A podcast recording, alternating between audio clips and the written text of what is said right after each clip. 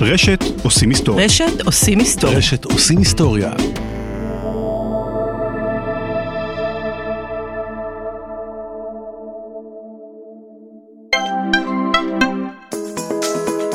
כימאים, פיזיקאים, מהנדסי כימיה, מכונות, חומרים ותעשייה וניהול, אינטל רוצה אתכם. ענקית הטכנולוגיה העולמית וחברת ההייטק הגדולה מגייסת לשורותיה מהנדסים ממגוון תחומים, גם בעלי ניסיון וגם בוגרים טריים בתחילת דרכם המקצועית. אינטל נמצאת בחזית הטכנולוגיה בכמעט כל תחום, מתקשורת ומחשוב ועד בינה מלאכותית ורכבים אוטונומיים. מפעל השבבים של אינטל בקריית גת הוא המפעל המתקדם והגדול ביותר של אינטל ובעולם בכלל.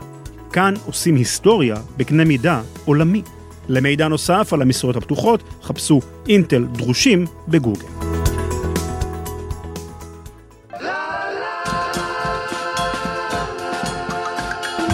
שלום לכם, כאן שמעון פרנס. כן, כן, הכתום, הג'ינג'י. זוכרים?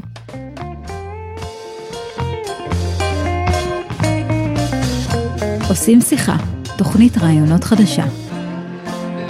בקרוב, ברשת עושים היסטוריה.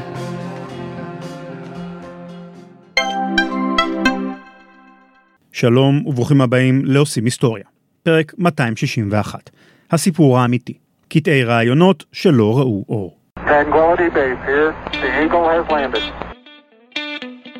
עושים היסטוריה עם רן לוי.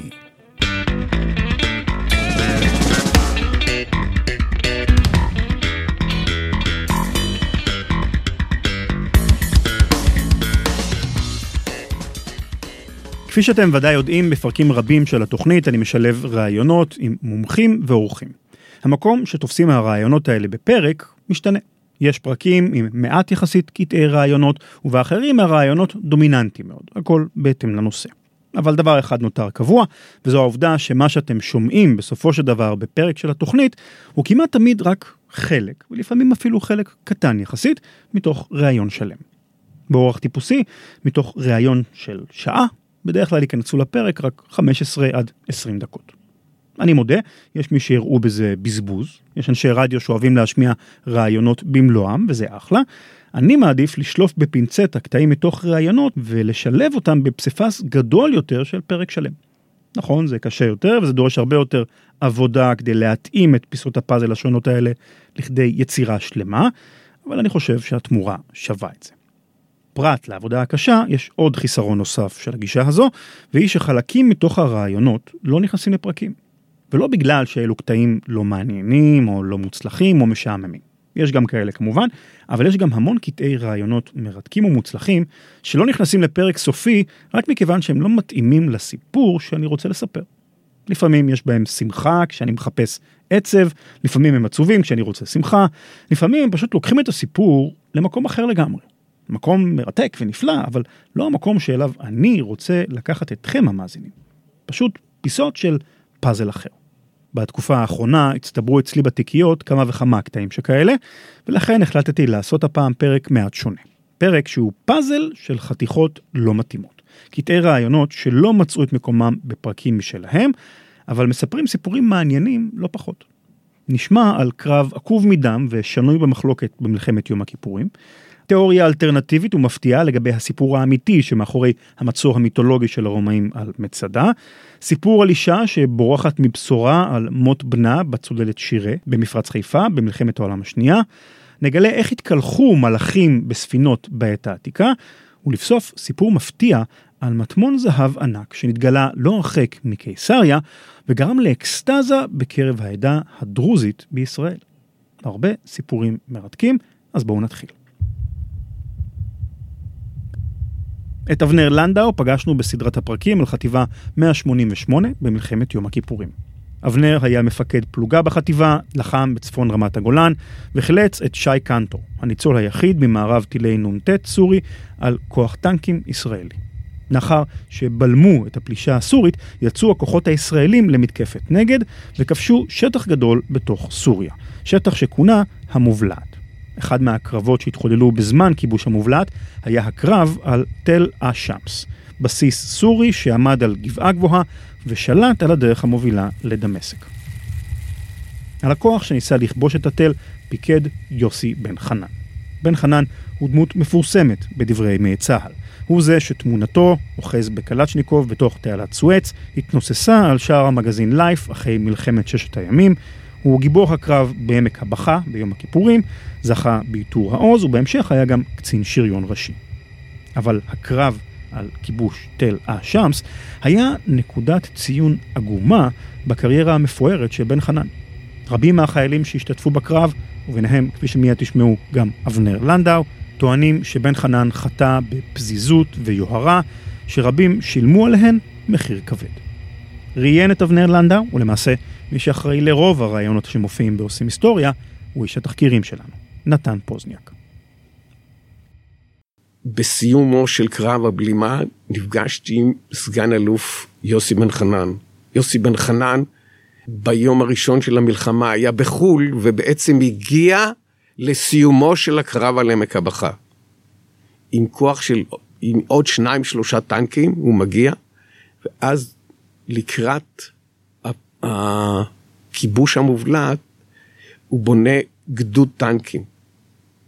יוסי אומר לי כל הזמן, אני מח"ט 188, ואני עכשיו נמצא כאן, אני מפקד החטיבה, תראה על הטנק שלי יש את הסימון הטקטי 20. לא רק 20, אלא גם אקספרס לדמשק. יש את התמונות עד היום כמובן. והוא אומר לי, אני המח"ט, עכשיו זה הכוח שלנו, ומאחר ואני הייתי עם שבעה טנקים, זאת אומרת פלוגה עם, עם עם עוצמה, עם שבעה טנקים, כל הפלוגות נשארו שלושה או ארבעה טנקים, ואנחנו, בניתי לי פלוגה של שבעה טנקים. ואנחנו מתחילים בעצם את קרב, את הקרב על כיבוש המובלט, כשהגדוד שלנו בציר של ג'ובת אל-חש שבכפר, ואחר כך יותר מאוחר, חרפה, בעצם הגדוד שלנו מוביל בציר החטיבתי הזה. הטנק שלי נפגע עוד פעם אחת עוד עלה על מוקש והייתי חייב להחליף והחלפתי טנק כי הוא פרס זחל. אנחנו מגיעים לחרפה, איזשהו כפר באזור של תל שמס, די קרוב יחסית. אנחנו תופסים עמדות לכיוון, לכיוון של תל שמס. ומתקרבים לתל שמס, ואני חושב שזה שמונה בבוקר, הכיבוש הראשון של תל שמס, הניסיון הראשון לכיבוש תל, תל שמס, כשיוסי מודיע לי אנחנו בחיפוי, הפלוגה של אבנר היא זו שנכנסת בשטח לכיוון של, של, לכיוון של תל שמס, אחרי קילומטר או שני, אחרי שני קילומטר בערך, נורית אש סאגרים מאוד מאוד צפופה עלינו, ואני נותן פקודה לכל טנק לתפוס איזושהי עמדה, איזשהו מקום שנסתר, ואחד אחרי השני את כל הטנקים אני מקרב, אנחנו נסוגים, אבל כל טנק נוסע בזיגזגים. אני מכוון אותם, מתי נוסעים בזיגזגים וכולם, ואנחנו חוזרים חזרה בעצם לאזור של מפקד הגדוד, בן חנן, ואז מה שקורה, בן חנן נפגע קצת עם הטנק שלו, והוא מודיע לי אני נוסע לחטיבה, כאילו לחפ"ק של חטיבה 7. יוסי חוזר, אני חושב, לקראת אחת או שתיים בצהריים, ומודיע, אנחנו הולכים לכבוש את תל שמס דרך הלג'ה. זה מין עיקוף בשטח מאוד מאוד בלתי עביר, כאילו בלתי עביר לטנקים ולשום כלי רכב. וברור לנו שהקרב הזה צריך, אנחנו צריכים יותר טנקים, ואז יוסי, תוך כדי תנועה לכיוון, הוא שואל אותי, תגיד אבנר, אפשר עכשיו לתקוף? ואז אני אומר לו, יוסי, לא נתקוף עכשיו. אנחנו נחכה לאהוד דפנה. זה עוד מ"פ עם ארבעה טנקים שיצטרפו אלינו. אנחנו סך הכל שישה טנקים שעוברים את הלג'ה בשטח שהוא מאוד קשה לתנועה, אבל הוא נצפה מכל מקום. כאילו אנחנו איזה עדר עיזים שאתה ברחפן מסתכל עליהם. כשאתה רואה, אין, אתה לא יכול להימלט מזה, רואים אותך. ואז בן חנן אומר לי, לא, אנחנו נתקוף עכשיו את התל.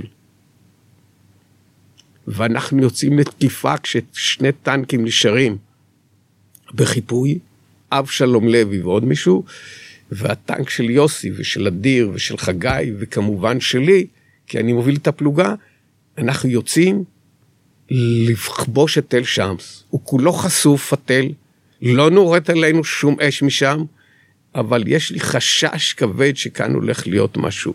אני עם העיניים כל הזמן 300, 180 מעלות מסתכל, לא רואה כלום, מוריד את הראש עד לרמה של לא חשופים בצריח, אלא רק הראש חשוף. ובשליש האחרון של הרכס, לפתע פיצוץ אדיר בטנק שלי. אני עף מהטנק, ומסתכל למטה, ואני רואה מסביבי שישה טנקים, מתוכם ארבעה עולים באש, התפוצצו. ואנשי הצוות קופצים מהם, ושני טנקים נשארים, הם הולכים ואוספים את אותם אנשי צוות, ומתחיל כאן עכשיו חילוץ של כל אותם טנקים, אותו קרב מיותר לחלוטין. מבחינה מעשית עלוב גם, מבחינה מה, ש... מה שעשינו, אנחנו עם המון נפגעים, מתחילים לחלץ אותנו, מחלצים אותי, מכניסים אותי לתת תותחן ואני מאבד את ההכרה, לפי הסיפורים של האנשים, ואנחנו יוצאים משדה הקרב. מחלצים אותנו, ואז בקשר שומעים שבעצם יוסי בן חנן נשאר עם הטנק שלו בשטח, ליד הטנק, והוא מבקש חילוץ. ויותר מאוחר, בשעות יותר מאוחרות, יוצא כוח של יוני נתניהו, שהוא היה מפקד פלוגה, מפקד כוח של סיירת מטכ"ל, וכפלוגת חי"ר שליוותה אותנו, והוא יוצא והוא מחלץ את יוסי בן חנן. אלא מה? יוסי נשאר עם הקשר שלו, על ידו נמצא טנק נוסף, ובמקום לשלוח את הנהג, תבדוק אם יש פצועים נוספים, תאסוף לי אותם, משאירים את הפצועים בשטח, בתוך הטנקים, אף אחד לא בודק אותם. יוני נתניהו מגיע, לא בודקים שום דבר, מחלצים את יוסי בן חנן, מגיע הליקופטר ומחלצים אותו, מטיסים אותו לבית חולים, ואנחנו על גבי נגמשים מחלצים את כל, הפצ... את, את כל יתר הפצועים. אני אומר לרופא, אני כבר בקרה מלאה, נפגעתי כאן במפסעת. דבר ראשון, אתה נוגע בביצים, לראות שהביצים שלמות. הכל טבול בדם. ואז אני ניגש אליי קמ"ן החטיבה, צוריך. אני אומר לו, צוריך, אני לא אכלתי שבוע. לך תארגן לי משהו לאכול. הוא הולך ועושה לי, לוקח לחם שכבר איזה שבועיים לפני כן עוד קיבלנו אותו בקו, שם בתוך לוף עם השמן הזה, הצ... הצמיגי הזה הלבן, ונותן לי לאכול את הסנדוויץ' הכי טוב בחיים שאכלתי. וכך בעצם מסתיימת בשבילי המלחמה שיוסי בן חנן מרסק לי את הפלוגה עוד ארבעה הרוגים. ובזה בעצם אני מסיים את הקטע של, של מלחמת יום כיפור ביום, אני חושב, ה-12 באוקטובר. שבוע ימים אחרי שהתחילה המלחמה, בעצם אני נמצא בבית חולים. למה עניין עמק הבכה? מה אמרת אני לא רוצה לדבר על זה? למה? זה, כל מה שאני אגיד לך, זה יהיה לא בשידור. אני אחר כך בצד נדבר על זה נתן, זה לא משהו של שידור, כי זה... אני, אני סתם מנחש שהראייה שלך והראייה של ההיסטוריה המקובלת הם לא בדיוק אחד לאחד. נכון, נכון, נכון. יש עוד משהו שכדאי אולי לומר, אנחנו לא דיברנו על המלחמה. אנחנו כל הזמן אומרים למה ההורים שלנו לא סיפרו לנו על אושוויץ ועל מחנות השמדה אחרים. ועל הגטאות ועל הנורא שהיה. אבל אנחנו, רק אחרי 30 שנה, התחלנו לראשונה לדבר על המלחמה. רק שתבין, נ, אה, נתן, אני בפום הייתי עם עוד כמה לוחמים. אין לי מושג מה עשה זה ומה עשה אחר. קצת אחרי פום, הייתי בשנת 80 82 עם צביקה רק שהיה מ"פ, שאיבד את היד. מ"פ, קולגה שלי הוא מ"פ א', אני מ"פ ב'. שנתיים יחד שירתנו, אין לי מושג מה צביקה עשה במלחמה, אין לצביקה מושג מה אני עשיתי במלחמה. אנחנו לא מדברים, לא דיברנו על זה.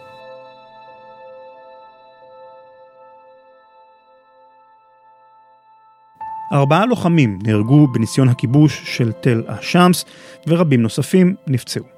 גופותיהם של שלושה מההרוגים נלקחו על ידי הסורים והוחזרו רק בתום המלחמה. על פי אחת הסברות, אחד מההרוגים היה רק פצוע כשעזב כוח החילוץ של יוני נתניהו את זירת הקרב עם בן חנן ונהגו. הוא נשכח בטנק פגוע ומת בשבי הסורי. למען הסר ספק, אני לא מותח ביקורת על בן חנן, יוני נתניהו או כל אחד מהלוחמים האחרים שסיכנו את חייהם למען המדינה באותו היום. קטונתי. למחרת אותו היום נכבש תל א-שמס בידי כוח של הצנחנים ללא הרוגים.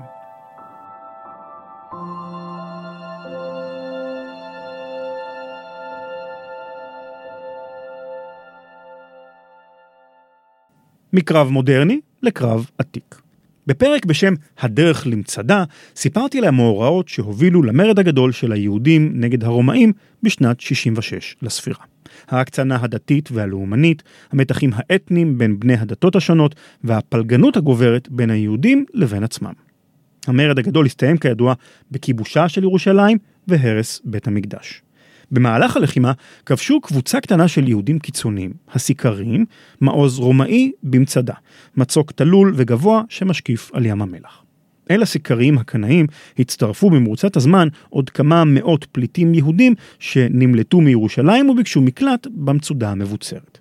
כשנה לאחר כיבוש ירושלים וסיומה הרשמי של המלחמה, חזרו הרומאים גם למצדה וצרו עליה. הסוף העגום ידוע לכל. היהודים הנצורים העדיפו להתאבד מאשר להימכר כעבדים. הארכיאולוג דוקטור גיא שטיבל, מהחוג לארכיאולוגיה ותרבויות המזרח הקדום באוניברסיטת תל אביב, הוא מומחה לתקופה הרומית ומנהל משלחת החפירות למצדה. בפרק על מצדה שוחחתי עם גיא בעיקר על הצבא הרומי וכיצד הפך לאחד הצבאות החזקים ביותר בהיסטוריה, אבל לקראת סוף אותו הרעיון העלה גיא שאלה מפתיעה ומרתקת. מדוע בכלל טרחו הרומאים להטיל מצור על המבצר המדברי הנידח באמצע שום מקום, אחרי שהמלחמה כבר נסתיימה? התשובה, או ליתר דיוק ההשערה שמציע גיא, תפתיע אתכם ללא צל של ספק. עכשיו אחת השאלות הגדולות מבחינתי זה למה מצדה? זאת אומרת אה, אם אנחנו מדברים שהדבר הגדול הוא ירושלים, שם יושב המקדש, אין ספק שמבחינה אה, רומית היה ברור שכל עוד אה, ירושלים קיימת, המקדש כסמל קיים, היהודים לא יפסיקו להילחם. כבשת את ירושלים, עצרת את המרד. עובדתית, שנה לאחר מכן, בשנת 71, הם עושים מסע מצעד ניצחון, טריומף אדיר, יוספוס נותן לנו תיאור על המנורה שהייתה שם והולכת למקדש השלום ואפשר לראות אותה היה מאות שנים לאחר מכן שם ברומא כן סמל המדינה שלנו זה בעצם לקוח מקשת טיטוס שמתארת את הרגע הזה בזמן ואת כלי המקדש ואת החצוצרות וכולי. ב-71 מצד הניצחון אומר שהמלחמה נגמרה. זה הצהרה לא תעמולתית זה הצהרה חוקית פורמלית שנגמרה המלחמה the war is over. כן, זה לא נשיא אמריקאי שעומד עכשיו אה, על אונייה, על משחטת אה, במפרץ הפרסי ואומר המלחמה נגמרה והיא רק מתחילה. לא, פה המלחמה נגמרה.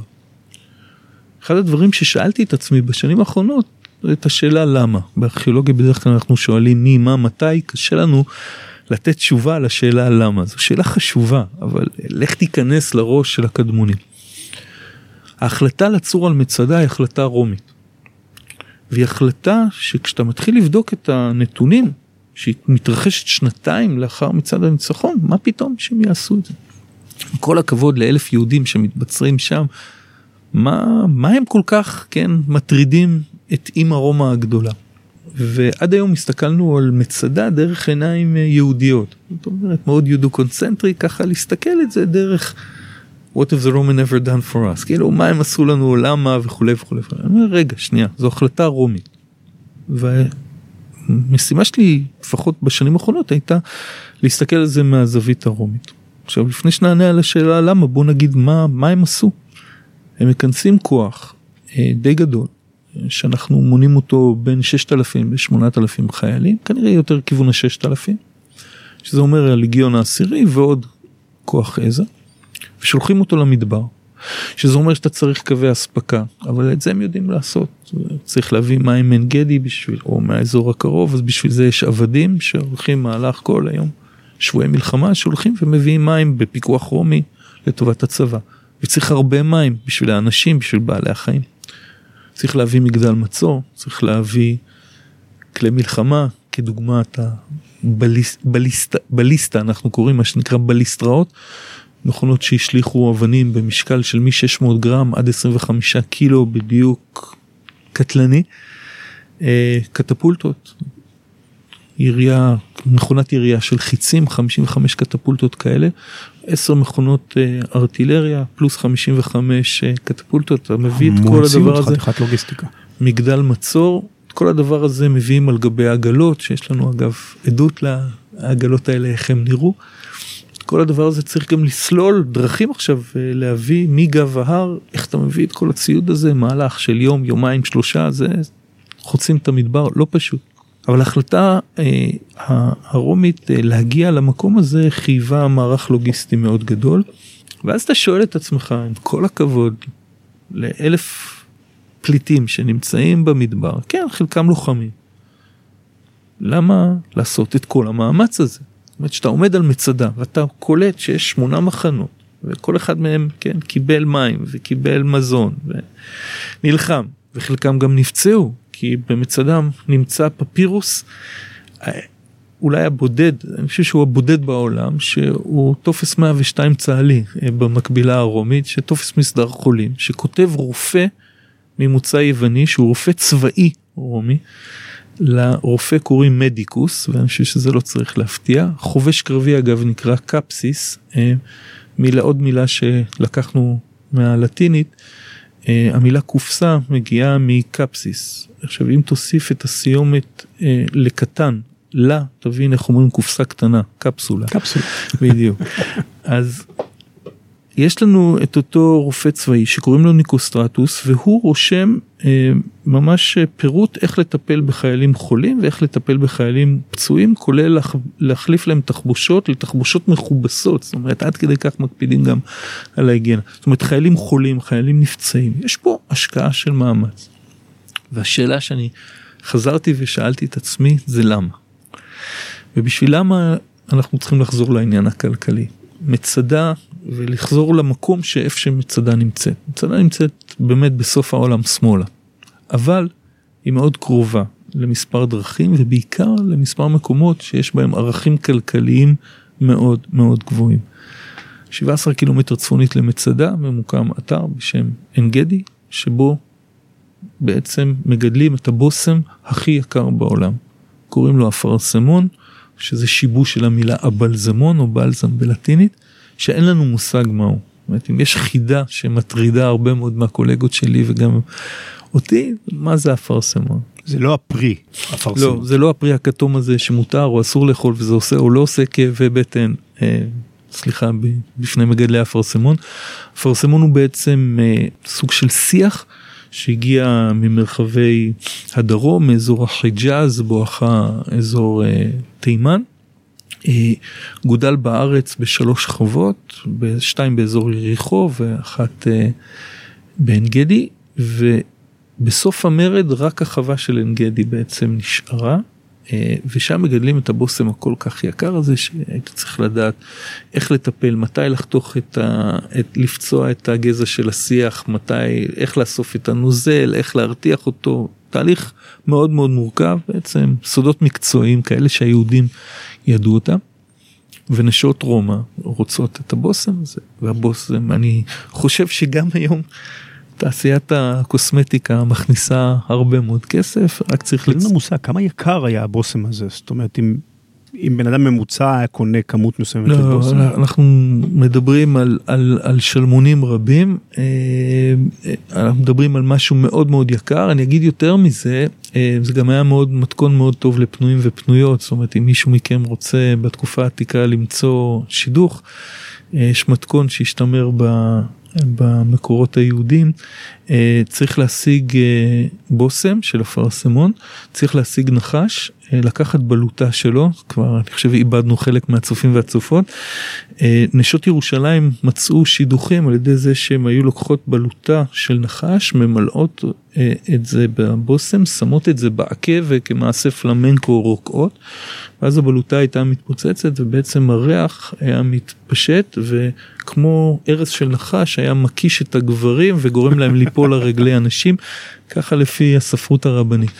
זה היה מאוד מאוד יקר, לטעמי יקר עד כדי כך שהיה שווה לאימפריה הרומית, אחרי שנגמרה כבר המלחמה, לעשות את המסע הזה. כי ולמה? אנחנו יודעים שהיה איום בעצם מצד מצדה, נכון? אנשי מצדה בעצם, כותב לנו יוספוס, תוקפים את אנשי עין גדי, ויש לנו לזה היום הוכחות אה, נוספות, ובעצם פוגעים, עושים סוג של פיגוע כלכלי. זאת אומרת, כמו שארגוני טרור היום מנסים לפוצץ אה, אסדות גז או, או בארות נפט אה, בעיראק, או כל מיני היבטים כאלה, אנחנו שומעים שאנשי מצדה פוגעים, כן, ורוצחים אגב 700 נשים וילדים יהודים. אתה אומר, למה שיהודים יפגעו ביהודים?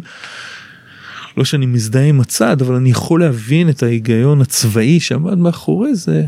אנחנו לא ניתן לרומאים ליהנות מההכנסות האלה, ובעצם פוגעים, הגברים אגב בורחים, אה, וכתוב שהמורדים במצדה לקחו את היבולים, ומבחינתי זה לא מזון, אלא היבולים הם יבולי אפרסמון.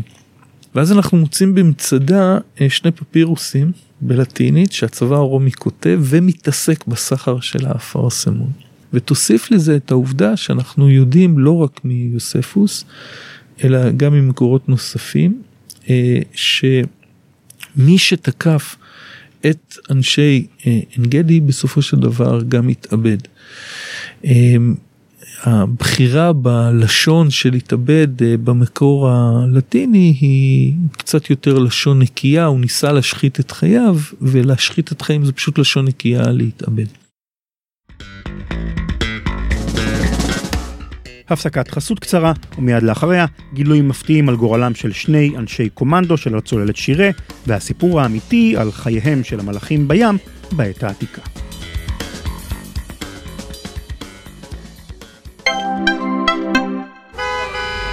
שוב הפקקים.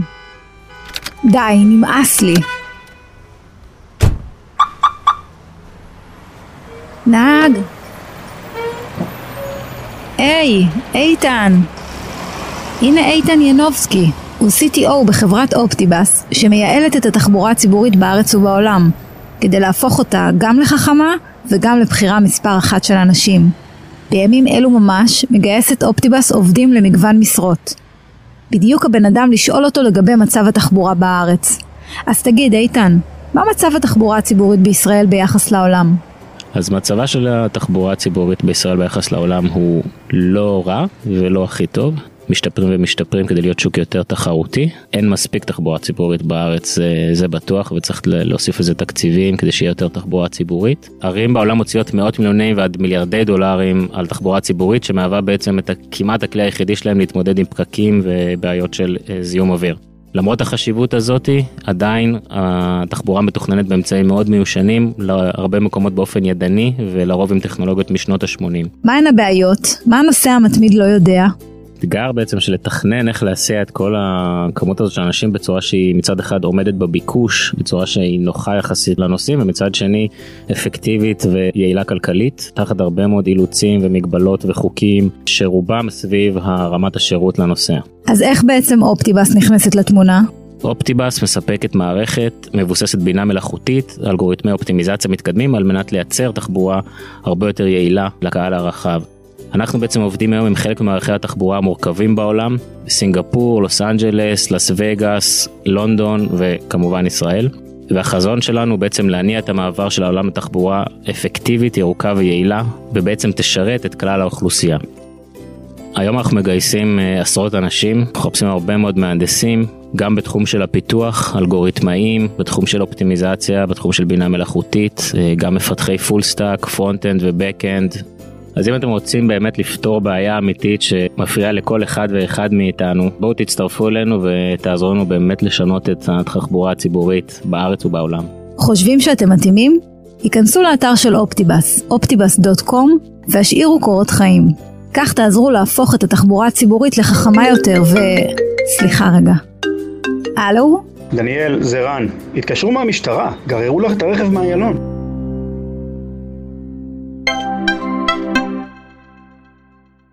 את מיכאל גוטשלק אתם כנראה לא מכירים. הוא התראיין לפרק עתידי בנושא מרתק שעדיין לא עלה לאוויר. אבל תוך כדי הראיון עם נתן פוזניאק, הסתבר שלמיכאל יש קשר מפתיע לאחת מהגיבורות, במרכאות, של אחד הפרקים האחרונים שלנו, הצוללת שירה. בפרק משימתה האחרונה של הצוללת שירה, סיפרתי על הצוללת האיטלקית שטובעה על ידי הבריטים במפרץ חיפה במלחמת העולם השנייה. עשרות שנים לאחר מכן חשף הארכיאולוג הימי דוקטור אהוד גלילי מערכת סודית לגילוי צוללות שהקימו הבריטים במפרץ חיפה. רשת של כבלי נחושת שנחו על קרקעית הים והתחברו למספר מוצבי תצפית נסתרים בהר הכרמל ובאזור עכו ונהריה. מערכת הגילוי הזו נשמרה בסודיות כה גדולה, אפילו שנים רבות אחרי המלחמה, עד שגם לחיל הים שלנו לא היה מושג לגביה. בשנות ה-80 צלל גלילי לשירה, נכנס לתוך הצוללת וגילה בה את שרידי גופותיהם של כמה עשרות אנשי צוותה, שמאוחר יותר הובאו לקבורה ראויה באיטליה. אבל שני חיילים איטלקים עדיין היו חסרים. שני אנשי קומנדו של השייטת העשירית המפוארת, שנהרגו במהלך התקיפה הבריטית, וגופותיהם נשטפו לחוף, ומקום קבורתם לא נודע. כאן נכנס לסיפור מיכאל. אחרי 30 שנות אה, עבודה במדור אה, מחקר ברפאל, פרשתי, וכעבור זמן קצר הגיע אליי חבר שלי, פאוסטו די קסטרו, שהוא אחד המהנדסים הבכירים בנמל חיפה, עם ערימה של ניירות, ואמר לי, תקשיב מיקי, אני נותן לך את הניירות האלה, אתה בוגר שייטת 13, אתה פרשת כעת ממשרד הביטחון. אתה אוהב היסטוריה, ויש לך זמן. בוא תחפש, מחפשים כבר 70 שנה, שני קברים של שני צוללנים איטלקים, קתולים, נוצרים, שטבעו בצוללת במפרץ חיפה, יותר קרוב לעכו, והגופות איזו... שלהם נפלטו לחוף קריית חיים, והבריטים קברו אותם, ואנחנו לא מוצאים את הקברים שלהם. איזו צוללת? הצוללת נקראת צוללת שירה, היא צוללת שהגיעה עם 51 לוחמים, והבריטים ידעו על בואה בעזרות מכשיר, באמצעות מכשיר האניגמה, ומטוס גילה אותם כשהם היו בין רודוס לחיפה, והצוללת הוטבעה על ידי אוניית שולט מוקשים בריטית בשם איזלי, ושני גופות של שני צוללים שהיו מחוץ לצוללת בזמן התקיפה אה, נפלטו לחוף קריית חיים ואנחנו לא מוצאים את הקברים שלהם. אני במשך שנה לא רדיו, לא טלוויזיה, לא עיתונים, לא חברים, רק עם הנושא הזה התעסקתי ועברתי את כל בתי הקברות בחיפה, קבר אחרי קבר. יש קברים רבים בחיפה גם של נוצרים, גם של מוסלמים, גם של יהודים, גם בתי קברות שסגורים מזמן, גם בתי קברות של הצבא הבריטי. שם מצאתי טייס אה, גרמני שקבור בבית קברות הבריטי, שזה גם הפתיע אותי, הוא פל מעל הארץ. ובסופו של דבר פניתי לקצין צוללות איטלקי באמצעות האינטרנט, וסיפרתי לו שאני בוגר שייטת 13, והתכתבנו תקופת מה, ולאחר זמן מה אותו אה, קצין, ששמו מרקו, אה, שאל אותי, בעצם מה אתה רוצה ממני? אז כתבתי לו, אני רוצה לבקש ממך שתחפש במשרד הביטחון ברומא אה, תיק של הצוללת שירה. אז הוא כתב לי בחזרה, אני לא יכול לעשות את זה, כי משרד הביטחון ברומא זה בניין עם אלף חדרים.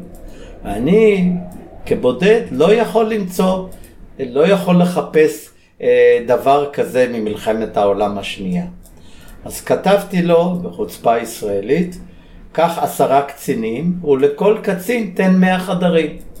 ואז תמצאו את התיק. והוא אכן עשה זאת, והם עברו בהתנדבות מחדר לחדר, וכעבור שבועיים הם גילו בקצה נידח, באגף נידח, בחדר מאובק, תיק אכול תולעים של הצוללת שירה, וכשהם פתחו את התיק, על הדף הראשון, מתאריך חמישי למאי 1965, היה כתוב באיטלקית, אני הקונסול האיטלקי בתל אביב, הוצאתי את ארונות הנספים של השירה ועוד שלושה ארונות של איטלקים שנהרגו במלחמת העולם השנייה מבית הקברות הצבאי הבריטי בחיפה והעברתי אותם לברי באיטליה. בברי באיטליה אחד הארונות הועבר למשפחה בצפון איטליה והוא נקבר שם בקבר המשפחה, שם נהוג לקבור את כל המשפחה באותו קבר, והקבר השני הועבר לבית הקברות הצבאי בברי. והדבר הזה פורסם בקוריירה דה סיירה ועורר התרגשות, ואז פניתי לאחיין של אחד הנספים שקבור בברי, ושאלתי באמצעות אה, אה, מיקי אלבר, שהוא רופא ישראלי שחי באיטליה, שהוא העלה את כל הפרשה הזו בהתחלה, ופניתי אליו ושאלתי אותו, תפנה בבקשה למשפחה של קרסי, אותו אה, אלמוני שקבור היום בברי באיטליה, איך זה שהם לא קיבלו הודעה? והוא פתח את הכספת של אימא שלו בבית וגילה מעטפה סגורה שלא פתחו אותה מעולם. שהחותמת שלה זה משרד הביטחון ברומא, והאימא סירבה לפתוח את המכתב הזה בתקווה שהבן עדיין חי. זה ממש אישה בורחת מבשורה. ממש, ממש וואו. ככה. וואו. וככה באה לסיומה הפרשה המרתקת. אה, לימים אני גם אה, אה, הלכתי, טיילתי אל אותה עמדה בריטית על יד סטלה מאריס, שממנה יצאו הכבלים העבים שהיו על קרקע הים, שבעזרתם גילו את הצוללת, ראו את המאמר המעניין של אודי גלילי על הנושא הזה, אבל אותם השניים הנהדרים, אחרי 75 שנה, שהצלחתי לפצח את החידה בסיועו של אותו קצין מרקו באיטליה, אחד הדברים המעניינים והמוצלחים שעשיתי. המרואיין האחרון שלנו הוא יעקב שרביט, מנהל היחידה לארכיאולוגיה ימית של רשות העתיקות. שרביט הופיע בפרק תעלומת הנמל העתיק של קיסריה, שבו סיפרתי על חידה ארכיאולוגית מרתקת שהעסיקה ועדיין מעסיקה חוקרים רבים. הנמל שהקים הורדוס בקיסריה לפני אלפיים שנה, היה, כראוי למורשתו של המלך הבנאי, אחד הנמלים המפוארים ביותר של זמנו. נמל שנאמר עליו שהוא אחד ההישגים הגדולים ביותר של ההנדסה הרומית, וכנראה הנמל המודרני האמיתי הראשון בימי קדם.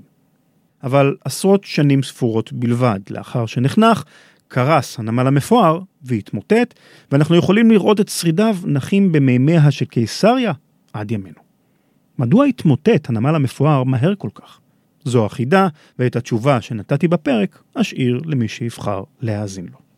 שני נושאי שיחה מעניינים עלו בריאיון עם יעקב שרביט שלא נכנסו לפרק בסופו של דבר. הראשון, שרביט ועמיתיו גילו כמה וכמה ספינות עתיקות קבורות בחול שמתחת לנמל קיסריה, ומהממצאים שנחשפו בספינות התבואות אפשר ללמוד לא מעט על החיים בספינות האלה, שרוב הזמן היו מסוכנים ומפרכים, אבל מדי פעם, אולי לעיתים נדירות, מי יודע, אפשר גם היה למצוא בהן כמה רגעי נחת. האזנה נעימה.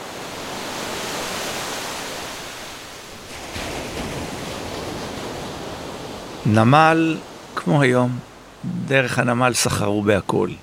כמו שאמרת, אה, זה יכול להיות זכוכית, זה יכול להיות מתכת, זה יכול להיות מזון מהחיטה שהזכרנו, דרך אה, אה, פירות וגרום, שזה סוס של דגים, שהובילו בקנקנים, באמפורות מיוחדות לכך, ויין ושמן ועוד הרבה הרבה מוצרים אחרים, כמו חומרי בנייה גם.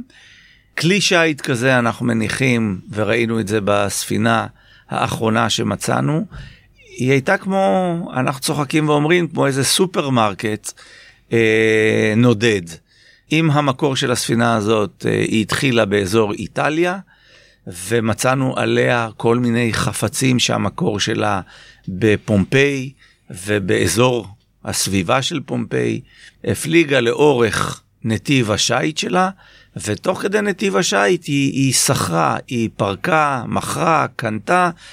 אנחנו מוצאים אבני, אבני שיסט ואבני גרנית ואבני אה, אבנים מטמורפיות כאלה ואחרות מאזור ה- הים האגאי ואיטליה ויוון ו- וגרנית ממצרים וכדומה ואיזשהו מיקס מעניין כזה ש... מה שהיה על האונייה כשזרקו כן. את זה החוצה. בהחלט.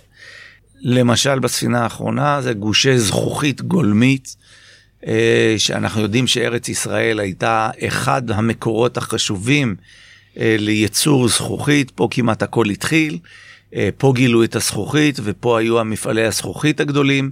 לפני, בשנות ה-90, סליחה, הייתה חפירה גדולה של דוקטור יעל גורין באזור חדרה, בית אליעזר, בה היא חשפה כבשנים גדולים מאוד, סדרה של כבשנים לייצור זכוכית. אה, את אותה זכוכית גולמית מארץ ישראל שיווקו לאירופה.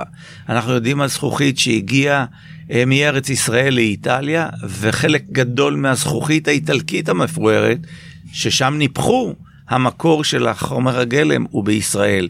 לפני שנים אחדות מצאו ספינה אה, רומית באזור קרואטיה, שבתוכה נמצאו גושי זכוכית מארץ ישראל.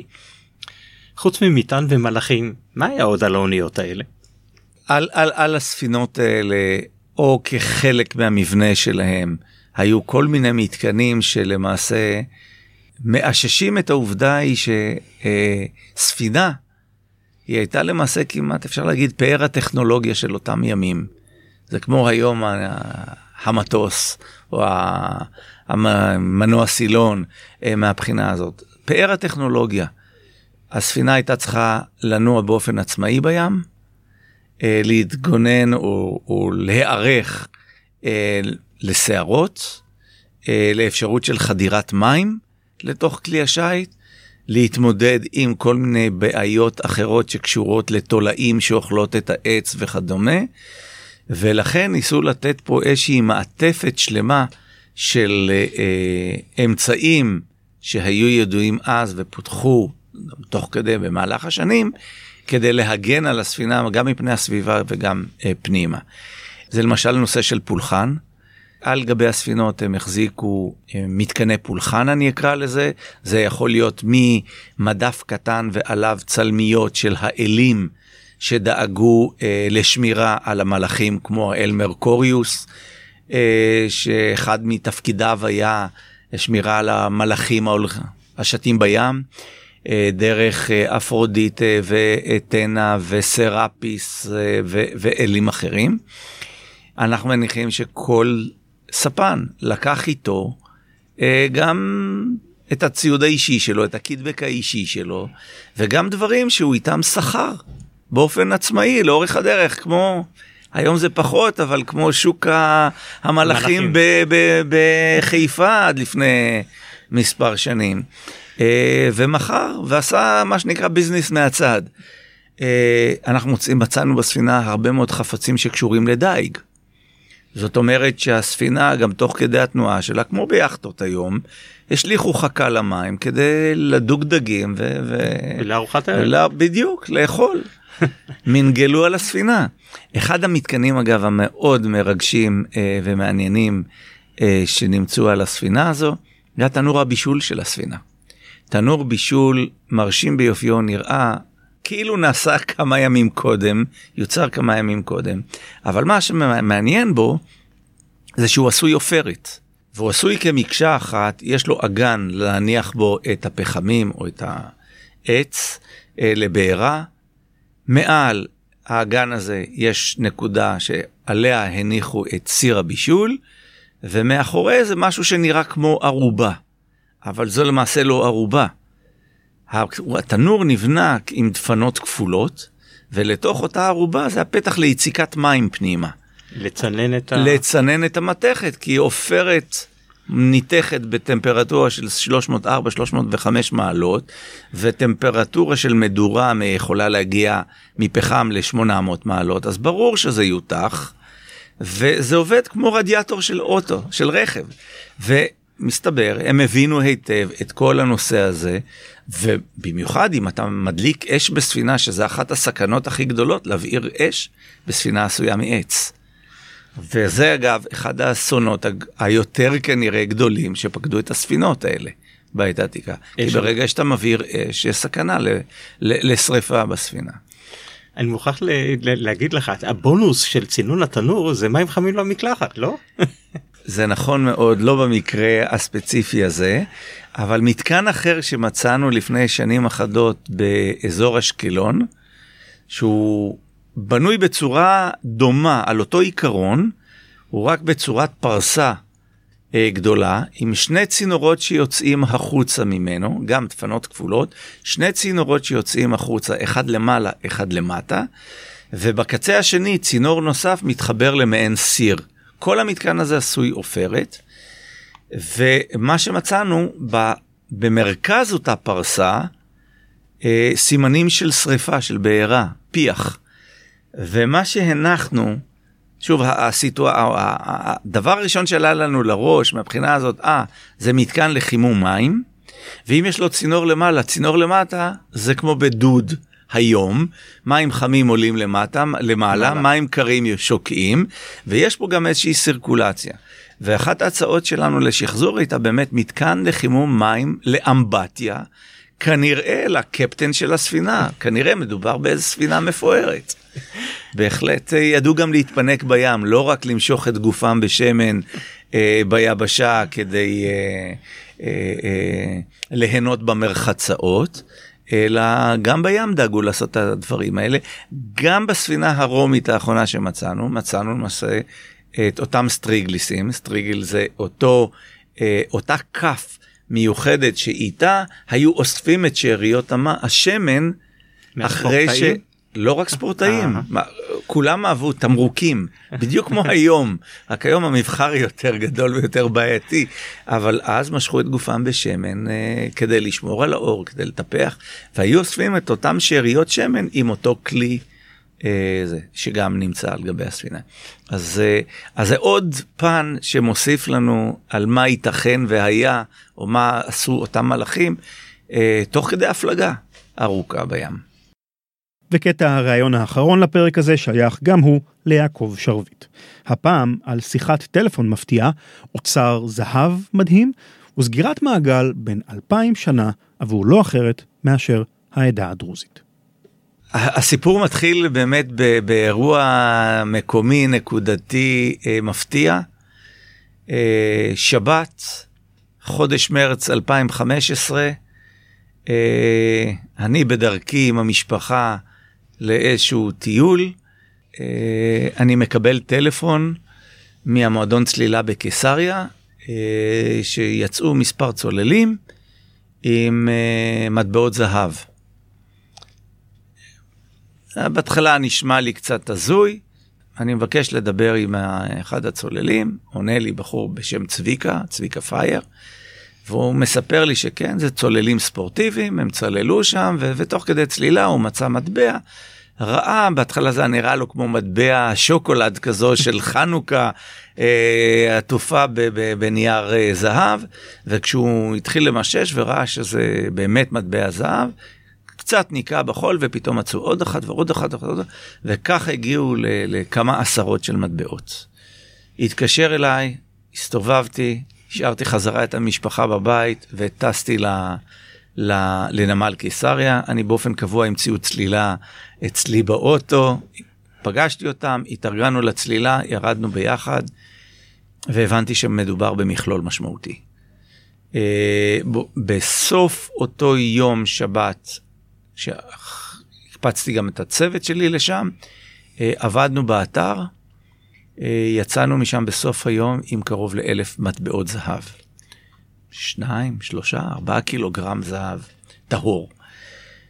חזרנו לשם אה, כמובן בהמשך, אה, למחרת היום עם משלחת אה, יותר משמעותית, כדי, מה שנקרא, לוודא שהאתר נקי, כי התחילו ל, לרוץ שמועות באזור, ואתה מבין שצוללים מתחילים להתארגן, כל אחד כדי אה, לקחת את הדיבידנד שלו מהים.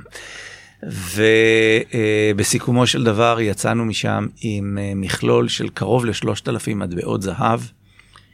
אה, זה בהגדרתנו priceless, אה, זה אין לנו ערך, אין לנו הערכה כלכלית מה השווי של זה. כמעט בין 7 ל-8 קילוגרם זהב טהור. הזהב במחקר אחר כך שעשינו, מקורו כנראה באזור המגרב, מרוקו היום. אה, וזה משלים לנו חלק מהתמונה הכוללת של הסיפור, כי אנחנו יודעים שהמטבעות תוארכו למאה העשירית 11 לספירה על ידי הנומיסמטים שלנו ברשות העתיקות, דוקטור רוברט קול. זה תחילת למעשה השנים, או עשרות השנים הראשונות של האימפריה הפאטימית. הפאטימים מתחילים כשבטים אה, מאזור של אה, צפון אפריקה ונודדים אה, מזרחה. למצרים, כובשים את מצרים, בירתם נקבעת בקהיר, הם שיעים, משם הם יוצאים אחר כך למסע הכיבושים אה, מול הסונים, שהבירה שלהם בעיראק.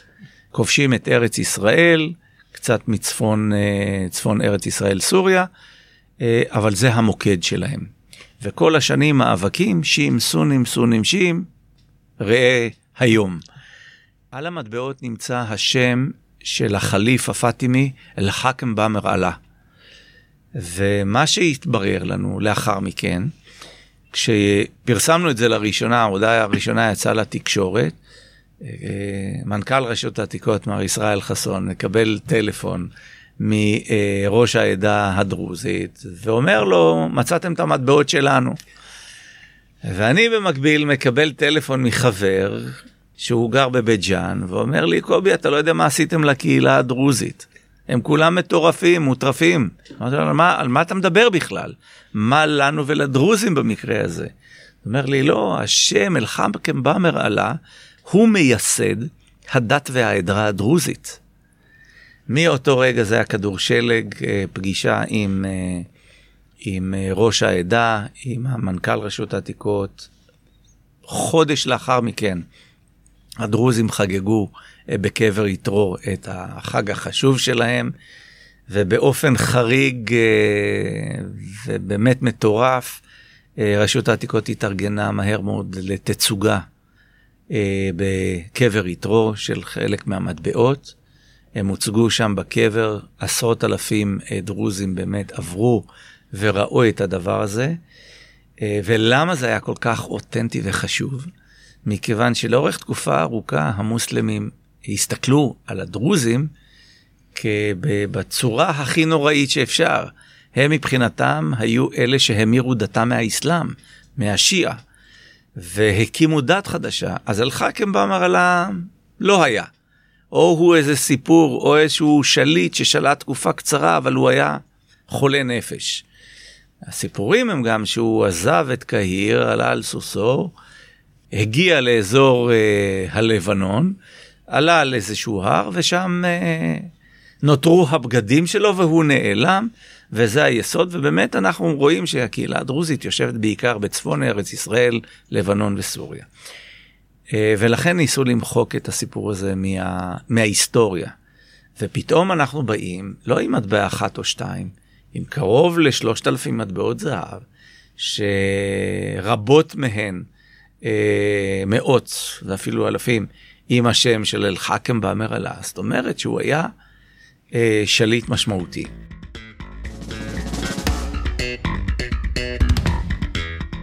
זהו, עד כאן.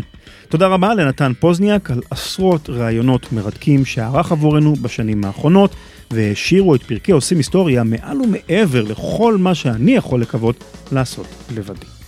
תודה גם למרואיינים שלנו. אבנר לנדאו, מיכאל גוטשלק, דוקטור גיא שטיבל ודוקטור יעקב שרביט. מיד נמשיך אל עדכון לגבי מפגש המאזינים של עושים תנ"ך וכמה הודעות למאזינים שמאזינים באמצעות אפליקציות, אבל ראשית, חסות קצרה.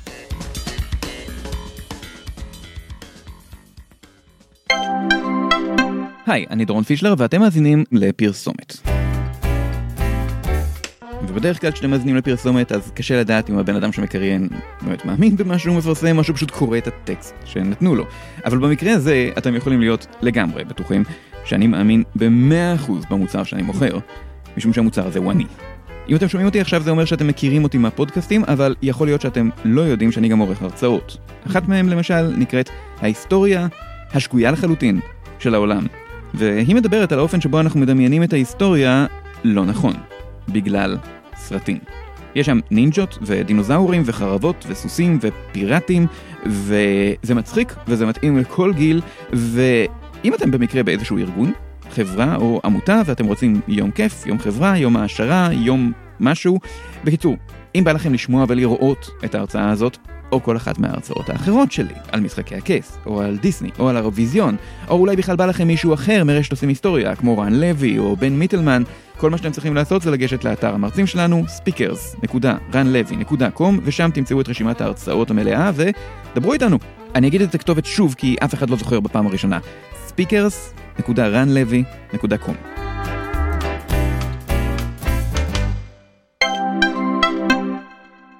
מאזיני עושים תנ"ך, שימו לב, מפגש מאזינים ראשון של הפודקאסט האהוב עליכם. יותם שטיינמן ארגן לכם פעילות מרתקת וייחודית. סיור בחפירות עיר דוד בירושלים, בשיתוף מכון תגליות, שהמדריכים בו יהיו לא אחרים מאשר הארכיאולוגים החופרים באתר. אני לא יודע מה איתכם, אני לא מתכוון לפספס את הסיור הזה. המפגש יתקיים בחמישי באפריל 2019, וכרטיסים ניתן לרכוש כבר עכשיו באתר שלנו, ranlevy.com. אם אתם חושבים להצטרף, אני ממליץ בחום לא להמתין עם הכרטיסים. המקום באתר הארכיאולוגי מוגבל מאוד, וסביר להניח שמלאי הכרטיסים יהיה זל במהירות. שוב, מפגש מאזינים של עושים תנ"ך, וסיור מודרך בחפירות עיר דוד, בחמישי באפריל 2019. שני עדכונים חשובים למי שמאזינים לפודקאסטים שלנו באמצעות אפליקציות.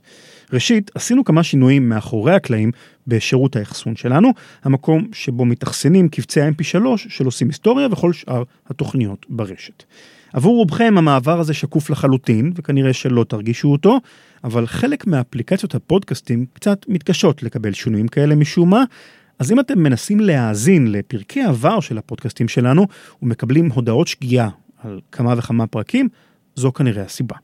הפתרון פשוט, אתם צריכים למחוק את הפודקאסט מהאפליקציה, לעשות לו unsubscribe, ואז להירשם לתוכנית שוב כמו שעשיתם בפעם הראשונה. ברגע שהתוכנית תיטען באפליקציה מחדש, סביר להניח שהבעיה תיפתר. אני מתנצל על הטרחה, העניין לא בשליטתנו. עניין שני, חלק מהמאזינים שמנסים להוריד את האפליקציה שלנו, אפליקציית רשת עושים היסטוריה באנדרואיד, מדווחים לי שהם לא מוצאים אותה בחנות האפליקציות. מסתבר שגוגל עשו שינוי מסוים, ומי שיש לו גרסה ישנה יחסית של אנדרואיד כבר לא יכול להתקין את האפליקציה או אפילו לראות אותה. עם זאת, האפליקציה הישנה שלנו עדיין זמינה להורדה לכל המכשירים. אז אם אתם מחפשים עושים היסטוריה בחנות האפליקציות, ואתם לא רואים את האפליקציה עם הסימון הירוק, אז האפליקציה עם הסימון האדום עדיין תעשה לכם עבודה טובה. וכמובן שכל הפודקאסטים שלנו זמינים כמו כן באפליקציות הפודקאסטים האחרות.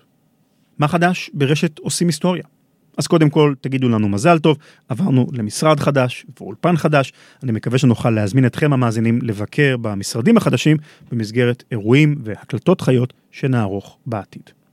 בעושים עסקים אנחנו מנסים פורמט חדש, עושים עסקים השבוע. התייחסות שבועית לנושאים כלכליים שעל סדר היום, בנוסף לפרקים הרגילים שבהם חגי גולן מראיין אנשי עסקים מובילים במשק הישראלי. בפרק החדש שעלה, חגי משוחח עם שרגא ברוש, נשיא התאחדות התעשיינים, על עליית המחירים הפתאומית במשק בשבועות האחרונים. בעושים פוליטיקה, השמאל מחשב מסלול מחדש. איך מתאים את עצמו השמאל הישראלי למציאות שבה למעלה מ-400 אלף מתנחלים יושבים בשטחי יהודה ושומרון?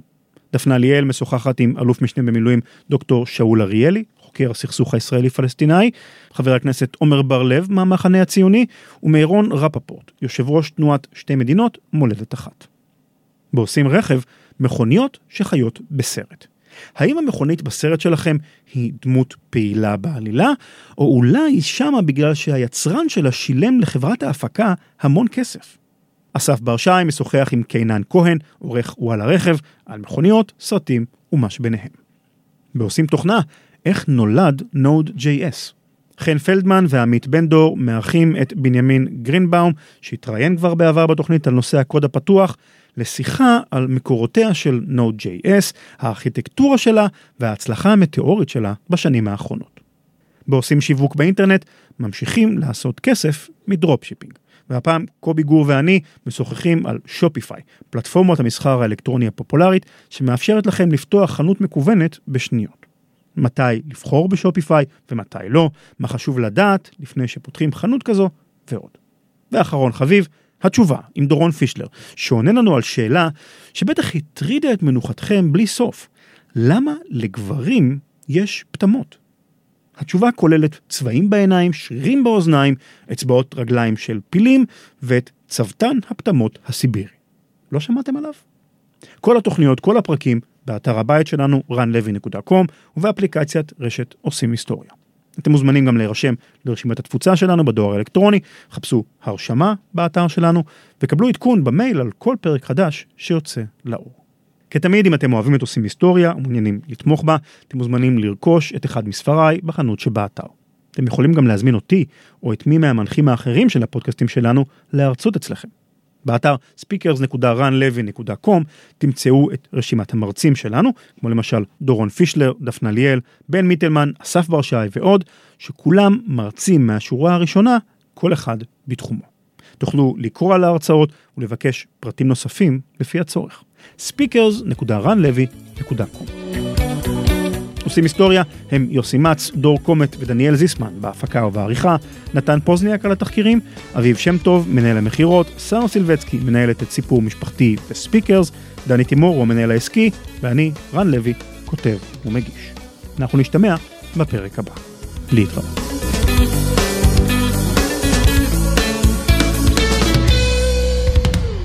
In this house, we obey the laws of thermodynamics.